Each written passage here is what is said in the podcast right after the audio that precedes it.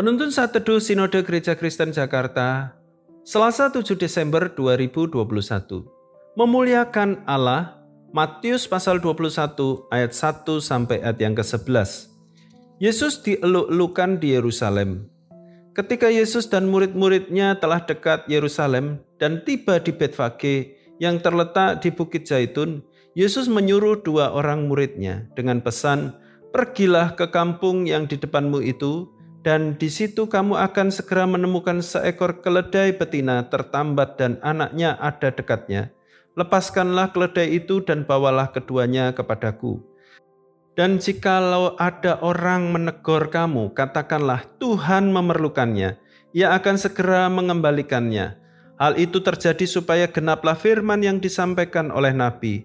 Katakanlah kepada putri Sion, lihat, rajamu datang kepadamu, ia lemah lembut dan mengendarai seekor keledai, seekor keledai beban yang muda. Maka pergilah murid-murid itu dan berbuat seperti yang ditugaskan Yesus kepada mereka. Mereka membawa keledai betina itu bersama anaknya, lalu mengalasinya dengan pakaian mereka, dan Yesus pun naik ke atasnya.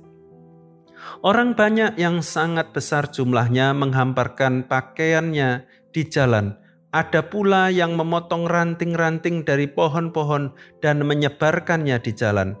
Dan orang banyak yang berjalan di depan Yesus dan yang mengikutinya dari belakang berseru katanya, Hosana bagi anak Daud, diberkatilah dia yang datang dalam nama Tuhan, Hosana di tempat yang maha tinggi. Dan ketika ia masuk ke Yerusalem, gemparlah seluruh kota itu dan orang berkata, siapakah orang ini?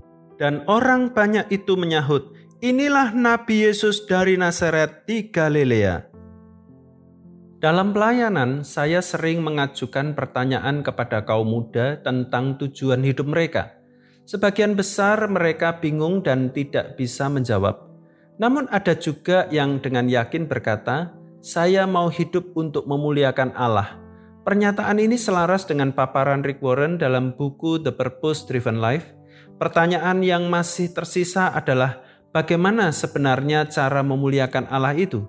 Kisah dua orang murid dalam nas hari ini dapat memberikan gambaran sekilas. Pada saat Yesus menyuruh mereka mengambil seekor keledai, mereka melakukannya dengan taat. Mereka juga mengerjakan perintah itu sesuai dengan instruksi dan tetap rendah hati. Pekerjaan itu sendiri tampak sepele, dan tidak populer serta biasanya hanya dikerjakan oleh seorang budak.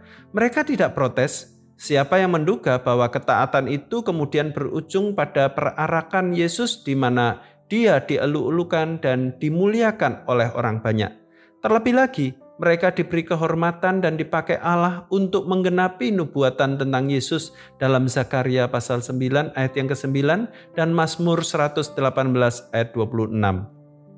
Jadi, Kunci untuk memuliakan Allah adalah ketaatan dalam melakukan perintahnya.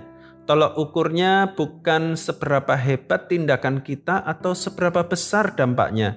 Perbuatan yang tampak sepele sekalipun asalkan meluap dari kasih Allah yang memenuhi hati kita tetap bermakna.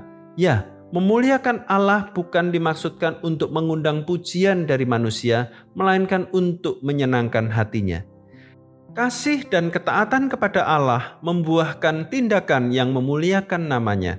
Tuhan Yesus memberkati.